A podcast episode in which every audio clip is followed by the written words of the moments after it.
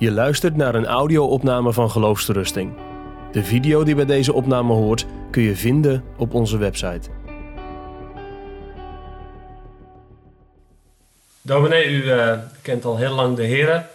Misschien kan u eh, wat delen hoe het eh, voor die tijd is gegaan, hoe u bent opgegroeid, hoe, ja, hoe uw ouders kenden die ook de Heer. Kan u daar wat over delen? Jawel.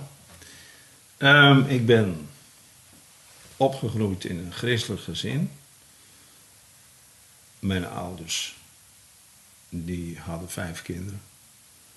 En mijn moeder kende al heel jong de Heer. 21 was het toen de Heer in de leven kwam. Maar mijn vader deed nauwelijks iets aan kerkelijk leven. Hij ging dan één keer per zondag mee naar de kerk. Maar dat was meer gewoonte dan uit behoefte. Terwijl mijn moeder echt een vrouw was die ja, met de Heer leefde. En zo herinner ik mijn moeder ook. Zij heeft ook echte kinderen, zeg maar, met de Heer grootgebracht. En uh, daar kwamen bij ons wel mensen, vooral uit de familie, waarmee uh, mijn moeder sprak over de Heer. Dat heb ik ook allemaal gehoord en gezien. Maar toen ik 17 jaar oud was, toen ging ik naar de politieschool in Arnhem. Was ik de hele week van huis. En toen kwam ik eigenlijk in een wereld die mij volledig onbekend was. Ik was heel beschermd opgevoed ja. bij het woord. En toen kwam ik in een wereld uh, zonder woord en zonder bescherming. En dat vond ik geweldig. En toen ik die school had afgelopen, toen kwam ik in Amsterdam terecht. Daar heb ik een jaar zeg maar stage gelopen om politieman te worden. En toen mijn opleiding voltooid was, toen kreeg ik een aanstelling in Dongen in Noord-Brabant. En voor 92% Rooms-Katholiek dorp. Ja, en daar openden zich perspectieven voor mij die ik helemaal niet voor mogelijk had gehouden. Nee. Dus toen ben ik helemaal uh, ja, losgegaan, zeg maar. Zonder God en zonder de kerk. Ja. ja. En toen dacht u nog wel eens vroeger, uh, aan, aan, vroeger, aan de tijd dat u... Uh... Ja, maar dan in de zin van waar ben ik blij dat ik daar vanaf ben. Oké. Ja. ja. Maar ik had een meisje getroffen, die had ik in Amsterdam ontmoet, die was oud gereformeerd. Dat was ook iets wat ik absoluut niet kende. Ik was opgevoed in een christelijk gereformeerd milieu. Dominee Smits was mijn predikant. Maar toen kwam ik in een milieu van oud gereformeerd dat herkende ik helemaal niet. hoe men daar sprak over de Heer en over predikanten, een sfeer van een mens moet zus en een mens moet zo en een mens moet dit en een mens moet dat. Ja, en tegelijk leeft u in de wereld. Ja, precies. Dus dat was eigenlijk dubbel mis. Ja. Zo, zo, zo heb ik dat wel beleefd, ja. En kreeg u toen ook een afkeer daarvan, juist? Ja, heel erg. Heel erg. Ja. Uh, ik denk dat het toppunt wel was dat toen wij wilden trouwen, en mijn uh, vrouw wilde dan nog in de kerk trouwen, dat toen geëist werd dat mijn vrouw in het zwart zou trouwen. Ja. Nou ja, toen heb ik gezegd, nooit, dan maar niet in de kerk trouwen. En dat is ook gebeurd. Oh, Daar heb ik nu natuurlijk spijt van, want die zou zeggen, oh, oh, oh, oh. Hm. En wat zou je nog graag samen voor Gods aangezicht buigen. Hm om zijn zegen over je huwelijk te vragen. Maar goed, toen speelde dat allemaal geen rol. En ik ging mijn eigen weg daarin. En uw vrouw, hoe beleefde zij dat? Ja, mijn vrouw was zeg maar traditioneel kerkelijk. Die bleef trouw in de kerkgang enzovoort enzovoort. En uh, ja, ik ging dus niet of nauwelijks naar de kerk. Nee. Oké, en uh, hoe is dat verder gegaan, die, die, uh, die rebelsheid in u? Ja, nou, dat is uh, een aantal jaren zo uh, geweest. Ik voelde me buitengewoon thuis in Dongen. Daar heb ik me ook als politieman echt uh, ja, thuis gevoeld. Het is de beste politietijd geweest, om het zo te zeggen. Ik kon heel veel delen met collega's die nergens aan deden.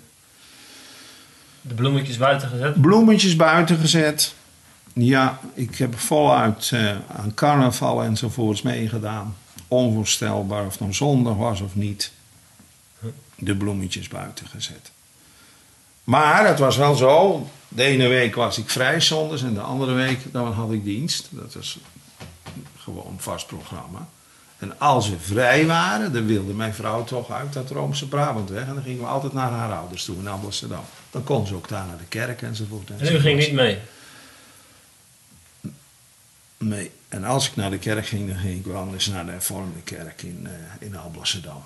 Ja. Maar toen ben ik ook een keer naar de christelijk gereformeerde kerk geweest in, eh in Alblasserdam. Ik was natuurlijk van huis uit christelijk gereformeerd. Dus toen was ik een keer in de christelijk gereformeerde kerk in Alblasserdam geweest. En daar sprak toen een dominee die ik helemaal niet kende. En toen voelde ik me voor het eerst aangesproken door de prediking. Dat is daar gebeurd, in dat kerkje in Amsterdam. En toen ben ik eens na gaan zoeken wie dat was. En er bleek een zekere dominee Beekhuis te zijn uit Noordloos. Hij is inmiddels al jarenlang overleden. En dan zat ik wel eens te kijken in het plaatselijk krantje. Het weekblad van Amsterdam of zo heette dat. En dan, eh, nee, de Klaroen. En dan kijken of die dominee kwam. En die kwam nooit.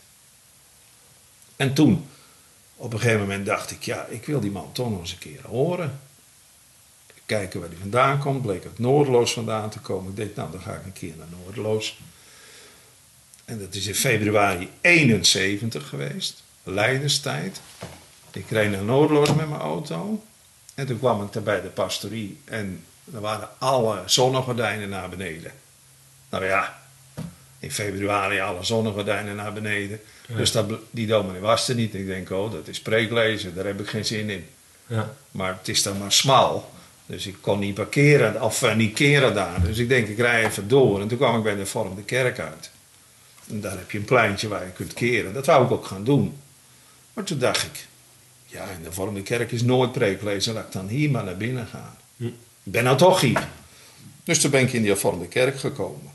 En daar sprak natuurlijk ook een dominee die ik niet kende. En die sprak over de tekst en Jezus in het midden. Ja. En dat was het moment waarop de Heer me velde. Die, Toen, ja, toen ben ik zondaar voor. God. Ja, dat ging erom dat door onze zonde hij daar nou aan dat kruis hing. Hè. Hm. En eh, ja, dat heeft me toen eh, geraakt tot in het diepst van mijn bestaan. En vanaf dat moment, hè, ik heb vanmorgen betoogd geloof en bekering vallen samen. Nou, dat is daar gebeurd. Hè. ja. Als je gelooft dat daar iemand hangt die door jouw zonde is gekruisigd, Hm. eh, dan, eh, ja, dan ga je bekeren. Dan kun je je leven niet meer blijven zoals het is. En dat is ook werkelijk zo gegaan, want ik, ik kwam in mijn politieleven terecht. Ja, op een manier, dus, ja, zo kan het niet meer. Hè? Nee. Dat het zonde voor u. Ja. Ja, en vooral die eerste tijd was het heel heftig, want daar je natuurlijk een zondig leven geleid hebt. Dan, eh, ja, dan wordt het beleven van die zonde ook steeds heftiger. Hè? Tenminste, is dat bij mij zo geweest. En dat liep dan zo dat ik geen mensen meer kon bekeuren. Die mensen waren allemaal beter dan ik, weet je wel. Oh ja. Dus ik liep maar te waarschuwen. ja. En vaak met de tranen in mijn ogen. Dus u kon geen politieagent toen meer blijven? Nee, eh, toen niet hoor. Toen, ik- laat ik zeggen, toen ik zo echt zonde voor God was. Er waren alle mensen goed en ik was slecht. Hm. En dat was het punt. Dus, eh, Ja. maar dus ja, waarschuwen, waarschuwen, waarschuwen. Hè. En eh, ja, en dan probeer je. Goed, dat, dat is allemaal weer terechtgekomen, daar gaat het niet om. Ik, eh, maar in die tijd was het ontzettend moeilijk. En toen ben ik natuurlijk voluit naar de kerk gegaan. En toen werd het heel moeilijk, want ja, zondags moest ik daar op de kermis lopen, zondags moest ik daar eh, de carnaval eh, regelen. Nou, wat ik vroeger natuurlijk geweldig vond. Ja, mijn moeder zei, dat had ze me wel geleerd, je lusten worden lasten en je lasten worden lusten. Ja. Daar snapte ik natuurlijk helemaal niks van. Maar toen begreep ik haar. Ik denk, ja, dat gebeurt nou in mijn leven. ja. Maar u, u vertelde van, u werd zondaar van God, maar ook dat u eh, een kind van God werd. Eh, dat heeft u later ervaren. eh, dat is ook gebeurd in uw leven. Ja. Wanneer is dat gebeurd? Nou- dat u de bevrijding hebt ervaren? Dat is een stappenplan. Nou ja. Nee hoor, maar het is wel zo dat, om maar wat te noemen, ik kwam thuis toen ik daar zo aangeraakt in die kerk in Noordeloos. En mijn schoonvader was een, uh, volbloed oud-gereformeerd kerkenraadslid. Dus ik vertelde dat. En toen dacht ik, die man zal ontzettend blij zijn dat Ja. het woord mij zo geraakt heeft. Ja. Maar het eerste wat hij zei was, jochie, het begint niet met Jezus. ja, zo. Dus dat was gelijk al. Boom! Hè? En dan heb je ook, ja, je hebt totaal geen bagage om daar iets tegen in te brengen. Ja. Dat, dat is dan het probleem. Gelijk de grond ingetrapt. Ja, precies. En dan denk ik, oh, oh, oh. En dat is ook een waarschuwing naar iedereen toe. Als een plantje net het kopje boven de grond uitsteekt, dan moet je zoveel mogelijk kunstmest en water erbij gooien. Ja. En Dat geen trap erop. Nee, nee, daar moet je erg. En ook niet aan zitten rommelen of wel vast staat genoeg. Ja. Laat het, laat het groeien. Hè. Ja. En, eh, maar goed, toen, ik heb het over februari 71 wat ik nu, dus dat gaf een enorme wending aan mijn leven. Maar toen was ik ontzettend met mijn zonde begaan, laat ik het zo maar zeggen. En toen in april, toen stierf er van mij plotseling een oom. Ik meen dat hij maar 56 jaar oud was. Een oom waar ik heel goede contacten mee had. Die bleef zomaar dood. Dat was heel ingrijpend. En toen dacht ik, ja jongen, als jij nou eens zo plotseling zou sterven, hè? hoe zou het dan zijn? Dat, ja, dat wist ik niet. Nee. Voor mijn gevoel zou het niet goed zijn, want ik, ik liep met mijn zonde. Ja. En toen was ik, dat was in april van hetzelfde jaar. En toen was hij net begraven, er stond nog een steen op het graf. En toen was ik naar het graf gegaan van mijn oom in Alblasserdam. En ik stond daar bij het graf. En toen kwam de psalm bij mij boven terwijl ik daar bij zijn graf stond. In het stille graf zingt niemands Heere lof. Het zieloos lijf verdompeld in het stof kan hem geen ere geven. Dan denk je, hij kan het niet meer doen. Althans niet hier. En ik, hè. ik kan het ook niet. Er was geen reden tot lof. En toen liep ik bij dat graf weg, heel verdrietig, heel verdrietig. En toen stond weer de kerk erop van die christelijk gereformeerde kerk. Want die is daar vlakbij met het, Ja. het kerkhof van Amsterdam. Ik wist niet wie er was. Ik stap daar binnen. En eh, daar gaat een mij onbekende dominee spreken. Over de tekstwoorden. En de geest en de bruid zeggen kom. En die het hoort zeggen kom. En die dorst heeft die komen. En die wil die nemen van het water des levens om niet. Nou als er nou eentje was die dorstig was, dan was ik het. En eh, ja, ik was dorstig en ik wilde. Dus ik kon komen en ik heb het gedaan. En ik heb me volgedronken met de liefde gods die er is in Christus Jezus. Met zoveel gevoel en aandoening. Dat ik ben uit de kerk gekomen. En je hebt daar de Veneestersingel lopen. Daar ben ik langs gelopen. Ik waande mij aan de stromen van levend water. En ik heb daar echt beleefd en ook gedaan. Het vrome volk in u verheugd zal huppelen van zielenvreugde. Dus je ging daar huppelen? Ja, ik ging daar huppelen. Ik was zo blij, zo blij. Zal dan verheugd van zorg ontslagen en beroemen die mij blijdschap geeft. Ja.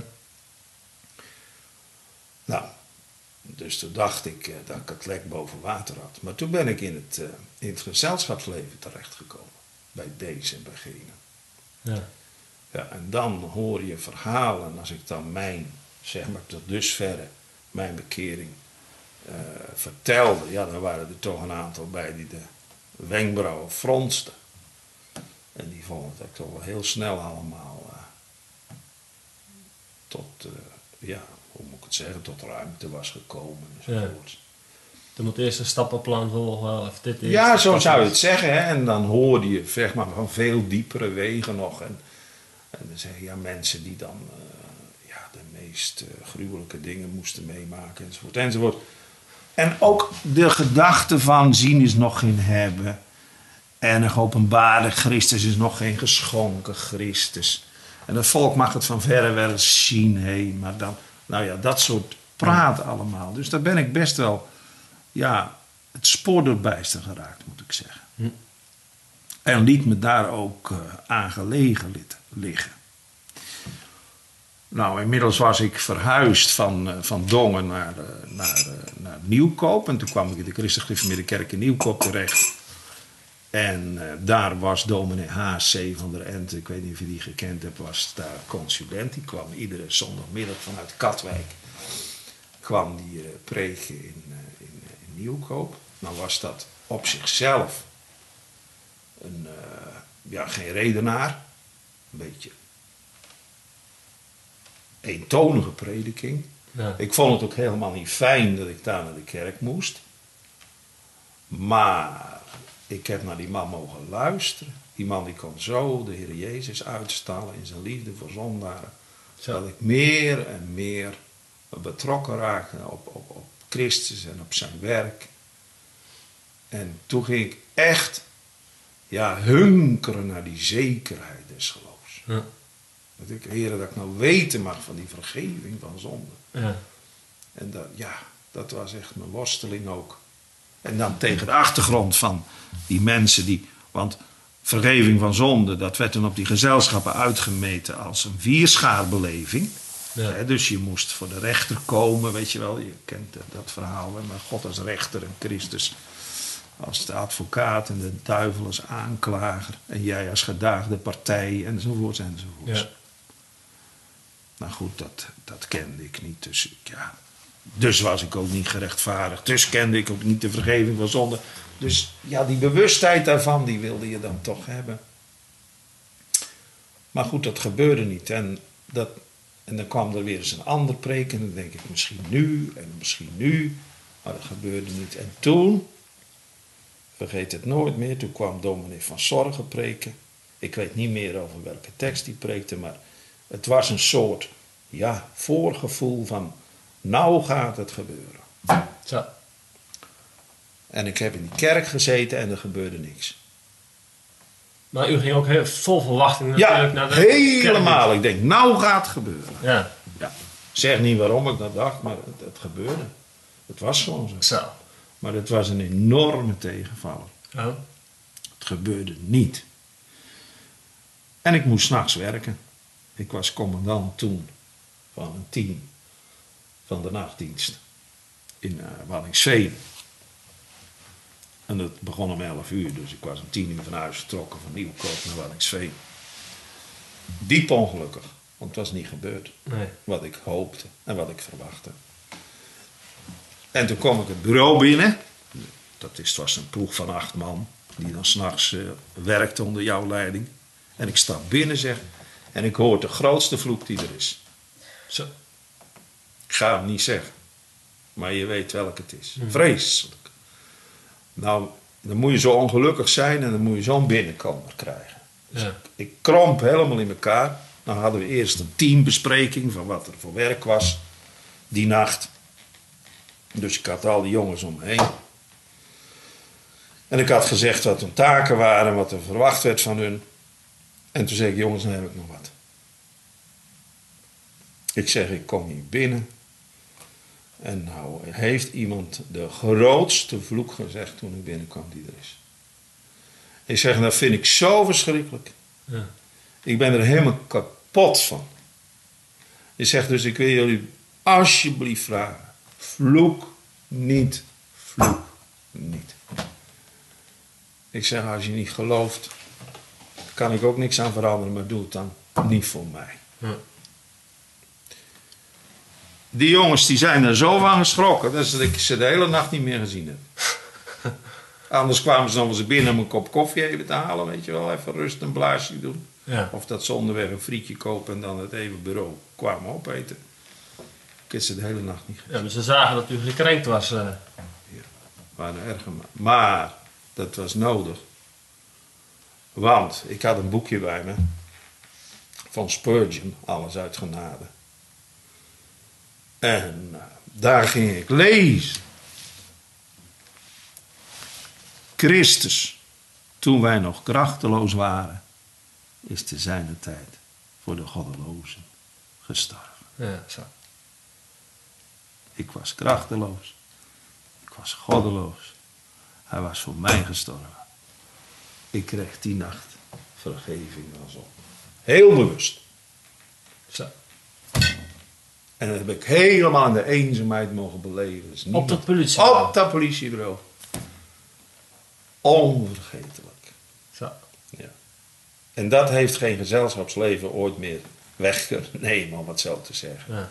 De vastheid in Christus Jezus toen echt. Ik heb de vaste grond gevonden waarin mijn anker eeuwig hecht. Toen wist u het zeker. Oh, 100% Nooit meer aan getwijfeld. Nooit meer aan getwijfeld. De schuld dus volks heb ik uit uw boek gedaan. Ook ziet gij geen van hun zondaar. Ja, gij hebt een gunst en niet in wraak lust. Mooi. Ja. Dus, Schitterend. En, en de weg naar dominee zijn, dat, eh, dat, is, dat duurt nog even. Je bent niet zomaar dominee. En ook, eh, hoe is dat gegaan, die weg? Van, hoe kreeg u een... eh, ja, eigenlijk van, van begin af aan kwam er de begeerte om predikant te worden. Direct al... eh, Ja, want ik begon daar op dat politiebureau al gelijk te preken. Ja. Ja, je, je gaat goed van God denken natuurlijk. Dus dan ga je ook goed van God spreken. Dat kan niet anders. Ja. Nou ja, en dat deed ik niet alleen tegen mijn collega's, maar ja, ook tegen anderen. ja. En die begeerte was er, maar ja, ik had alleen een MULO-diploma. Dus ik denk, ja, predikant. Dan moet ik eerst nog eens VWO gaan doen en dan nog eens een universitaire opleiding, zeg maar tien jaar studie. Nou ja, dat zag ik helemaal niet zitten. Eh, dus ik heb dat maar op de lange baan proberen te schuiven. En toen ben ik ondertussen, dat heb ik je gezegd, van Dongen naar Nieuwkoop verhuisd. Want ik kon in dat Roomse land toch niet meer Nee. zijn. Hè? Al die diensten met kermis en nou ja, alles gebeurt daar op zondag. Dus dat was heel zwaar voor mij. Dat ging gewoon niet meer. En toen ben ik in Nieuwkoop gekomen. Toen kwam ik in de christelijk gereformeerde kerk. Want je had in Dongen natuurlijk ook helemaal niks, zeg maar. Je had daar een vrouwelijke predikant toen in de hervormde kerk. Nou, dat voelde ik me ook niet thuis. Dus toen zijn we naar Nieuwkoop verhuisd. En eh, nou ja, ik bleef dan met die roepen. En dan kwamen dus voortdurend teksten naar me toe. Hè, van eh, ja, dat, dat ik hem moest volgen. En eh, dat ik het evangelie moest verkondigen. Nou ja, verzin maar allerlei teksten die erop slaan. Die dan ja, toch naar je toe komen. Maar ik heb dat ja, maar buiten de deur gehouden. Omdat ik het niet zag zitten, die studie. Maar weet je wat er ging gebeuren, joh? Toen ging de Heer het anders doen. Toen ging de Heer al mijn vermaak in de politiedienst wegnemen. Ik kreeg een conflict met mijn commandant. Ja. Dus dat was iedere dag ging ik met de, met de zenuw in mijn lijf naar mijn werk. Van hoe zal die nou weer doen, weet je wel. Ja. Maar goed, ja, je, je zit daaraan vast. Maar uiteindelijk, uiteindelijk eh, kom ik oog in oog te staan met drie criminelen. Die het op mijn leven gemunt hebben. En die mij wilden doden. Zo. En als door een wonder is dat eh, goed afgelopen. Ik heb echt beleefd, ik werd benauwd van alle zijden. Maar ik riep de Heer ootmoedig aan. Hm. Het bleef alleen maar over, Heere, help mij. De Heere verhoorde mij in het lijden en het deed me de ruimte gaan. En toen ben ik echt, ja, gebogen voor de Heere. En gezegd, Heere, nou ga ik de weg die u met mij wil gaan. Ik bedoel, die hele politieweg werd door dit gebeuren afgesneden. Ja. Ik herinner mij ook nog een tekst die ik van tevoren had gekregen. Wee mijner indien ik het evangelie niet verkondig. Nou, dat kwam toen op, op mijn bordje terecht. Dat begrijp je wel. Zo'n gebeurtenis. Wee mijner indien ik het evangelie niet verkondig. Nou, en toen ben ik VWO-opleiding gaan volgen. Naast mijn werk. Oké. Toen heb ik me in de weg gesteld. Nou ja, dat duurde vier jaar. En toen ben ik eh, naar de universiteit in Utrecht gegaan. Ja. En dat heb ik fulltime gedaan. Hm. Ja. Gestopt met politie. eh, gestopt met politiewerk. En dat was een hele goede tijd, moet ik zeggen. Mijn studietijd is een van de beste tijden geweest uit mijn leven. Hm. Heel nadrukkelijk de nabijheid van de Heer ervaren, de zorg ook. Je kon toen nog een studiebeurs krijgen. Eh, dat was geen vetpot. Dus we hadden nog wat spaarcentjes. Er is ook allerlei beproevingen opgevolgd. Maar hoe dan ook. Hm. Hij heeft voor ons gezorgd als een vader. Toen ik predikant werd, had ik het niet zo goed als toen ik kandidaat was. Ja. Wat financiën betreft. U preekt nu heel eh, vrijmoedig en eh gunnend. En is dat altijd zo geweest eh, in de prediking? En liet u dat ook anderen horen? Ehm gunnend ben ik altijd wel geweest, denk ik. Ja. Van meet af aan. Maar toch is er in de loop der jaren wel verandering gekomen in de prediking. Ehm, laat ik het zo zeggen, in, eh, in mijn beginjaren heb ik toch meer, eh laten we zeggen, de menselijke gevoelens laten spreken. Hè? Wat ervaar je nou? Wat beleef je nou? Ja. En dan eh, zowel in het, toch wel in het beleving van, van, van het zonder zijn van God. Ja. En, maar ook in, in het komen tot, tot de Heer Jezus enzovoort enzovoorts. Ja, en uw eigen beleving ook. Hoe u dat beleeft, dat en dat misschien? Nee, dat, nee. Oké. Ik heb niet mijn beleving centraal gesteld. Maar goed, doordat je natuurlijk wel weet eh, ja, wat er allemaal in een mensenleven eh, passeert, ja, krijgt dat ook handen en voeten in je prediking. Ja. Maar ik ben toen op een gegeven moment eh, zwaar overspannen geraakt. Ehm, Door te veel werk op uw... eh, Nou, Wat dat, je? een, een, een, een, een, een, een, een- een- ja, een aantal factoren. Ten eerste de hoeveelheid werk. Vervolgens ook de intensiteit van het werk. Eh, het omgaan met eh, mensen die gaan sterven. Je, je maakt zoveel mee mensen die gaan sterven. Mensen die niet kunnen sterven. Die benauwd zijn. Mensen die ja, eigenlijk benauwd zouden moeten zijn om te sterven en het niet zijn. Hè? Gelukkig ook mensen die ruim mogen heen gaan. Maar met al die dingen heb je te maken. Nou, en daarbij de zorgen in gezinnen, de zorgen in huwelijken. Het is heel veel wat er eh, op je bordje komt. En dan daarbij, ja, altijd maar werk, werk, werk, werk. Je, je lijdt meer onder hetgeen wat je niet doet, als, als wat je wel doet. Ja. Dus heel zwaar. En dan daarbij, ik had, eh, ik had eh, ook een zoon die zo dwars was als een hout. Dus je probeerde, la- laat maar zeggen, een keurig domineesgezin te zijn. En eh, ja, dat mislukte ook aan alle kanten. Toen raakte ik al overspannen in Schreeuwde aan Capelle. Dat was een hele diepe, diepe overspanning. Toen ben ik het geloof in God eigenlijk kwijtgeraakt. Ondanks dat u dominee was. Ja, toen preekte ik ook helemaal niet meer. Was u eigenlijk atheïst. Ja, zo zou je het kunnen noemen. Nou, dat is natuurlijk gruwelijk, hè? Zo. Ja. Ja.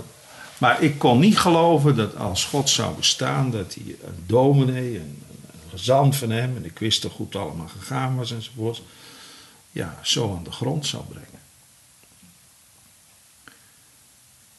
Mijn kinderen deden dan bidden en lezen enzovoorts. Ik wenste er niks meer mee te maken. Ik bad ook niet en ik las niet. Ik deed helemaal niks. Alleen maar overspannen zijn Zo. en in de put zitten enzovoorts. Ik prees koeien gelukkig in die tijd. Ik maar een koe was. Zo.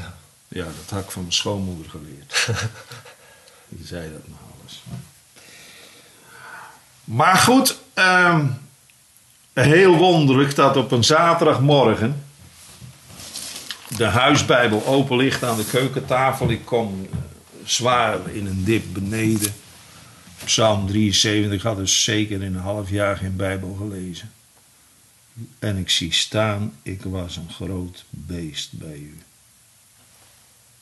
En dat was ik. Ja. Ik denk, oh God, dat dat nou toch in de Bijbel staat.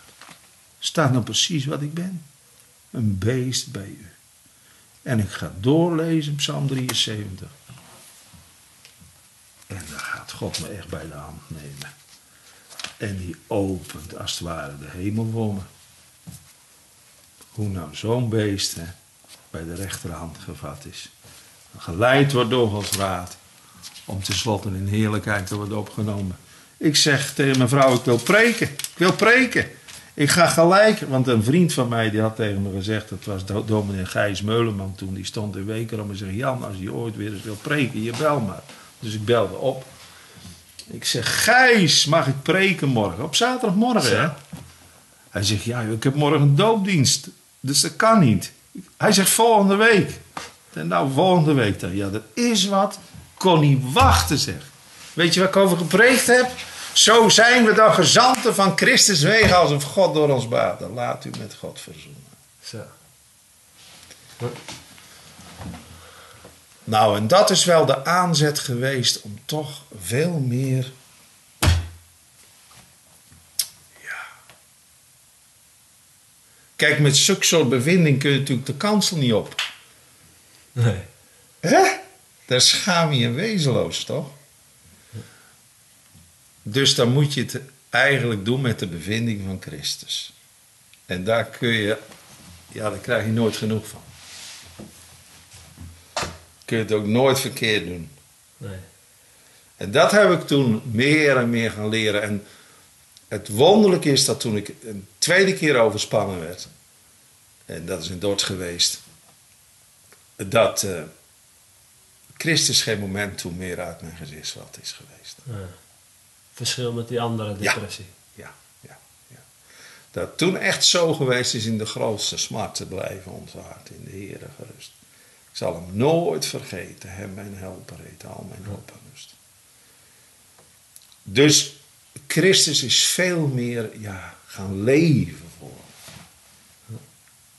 En vandaar dat mijn prediking ook veel meer op Christus is gericht geraakt. Ja. Ja, precies. Hoe, hoe lang duurde die eerste depressie en die, en die tweede dan? De eerste die heeft, ehm, daar was ik dus in één keer vanaf, hè. Op zaterdagmorgen, dat is ongeveer een half jaar geweest. Maar de tweede, ja, die heeft zes jaar geduurd. Zo. Heb ik zes jaar. eh, Maar goed, toen heb ik in die tijd wel gepreekt en zo. Hoor. Want zeg, het gezicht op Christus was ik niet kwijt. Dus dat, dat, dat, maar ik kon geen werk meer doen. Hè? Ja. Eén keer per zondag preken en dan hield alles op. Voor de rest kon ik niks doen. Toen was ik gewoon niet toe in staat. Maar eh, ja, toen werd ik na twee jaar afgekeurd. Want eh, ja, goed, ik, ik kon geen pastoraat, ik kon geen catechese. Ik was natuurlijk maar een, eh, ja, een invalide dominee, om het zo te zeggen. Maar het was wel zwaar hoor, als je na twee jaar hoort van, joh, je moet eruit. Ja. Dat was heel zwaar.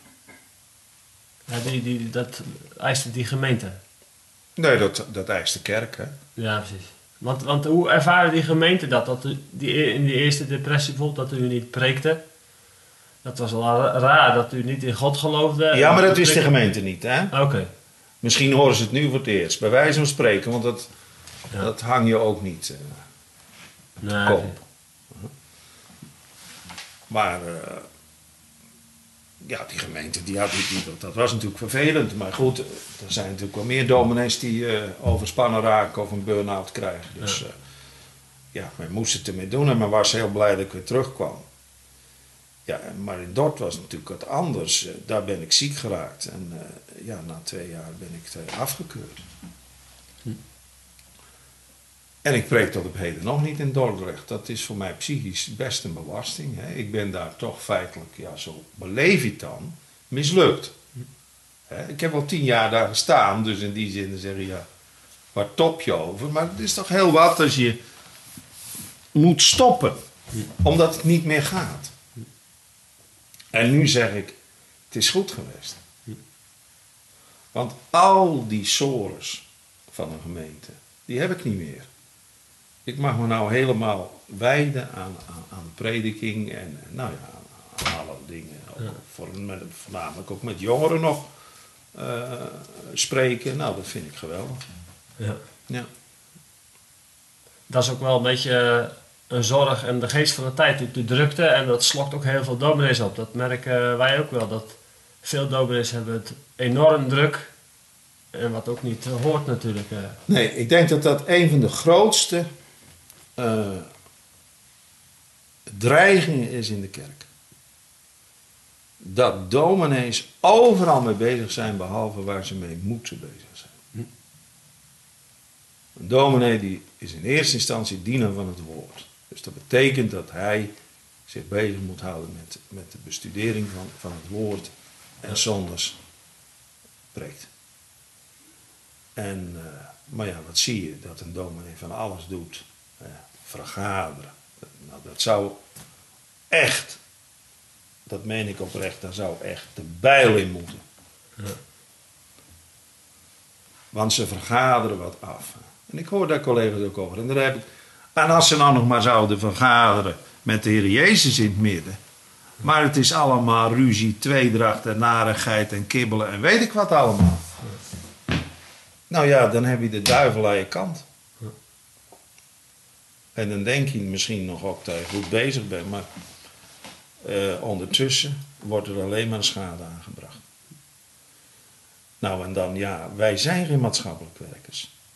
Daar zijn we ook niet voor opgeleid. Maar we zijn het wel.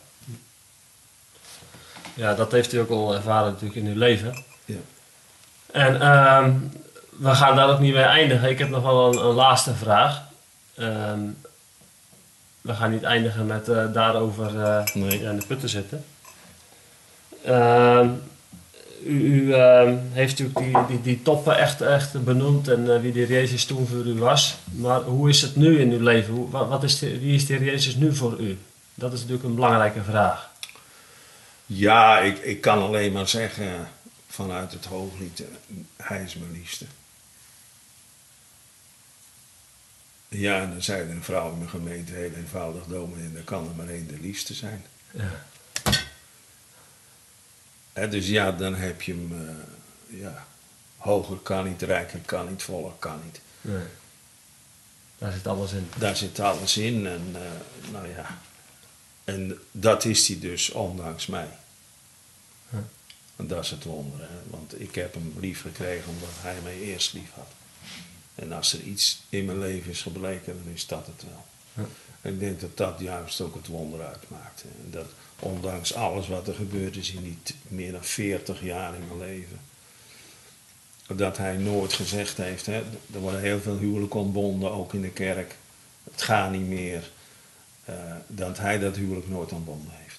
Nee. Ik heb er alle reden toe gegeven, maar hij heeft, uh, hij heeft dat van, ja, gecontinueerd tot op de dag van vandaag.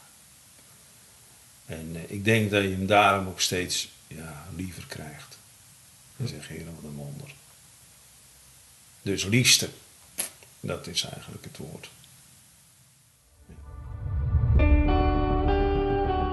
Je luistert naar een podcast van Geloofsterusting. Wil je meer luisteren, lezen of bekijken? Steun dan ons werk en ga naar de website geloofsterusting.nl.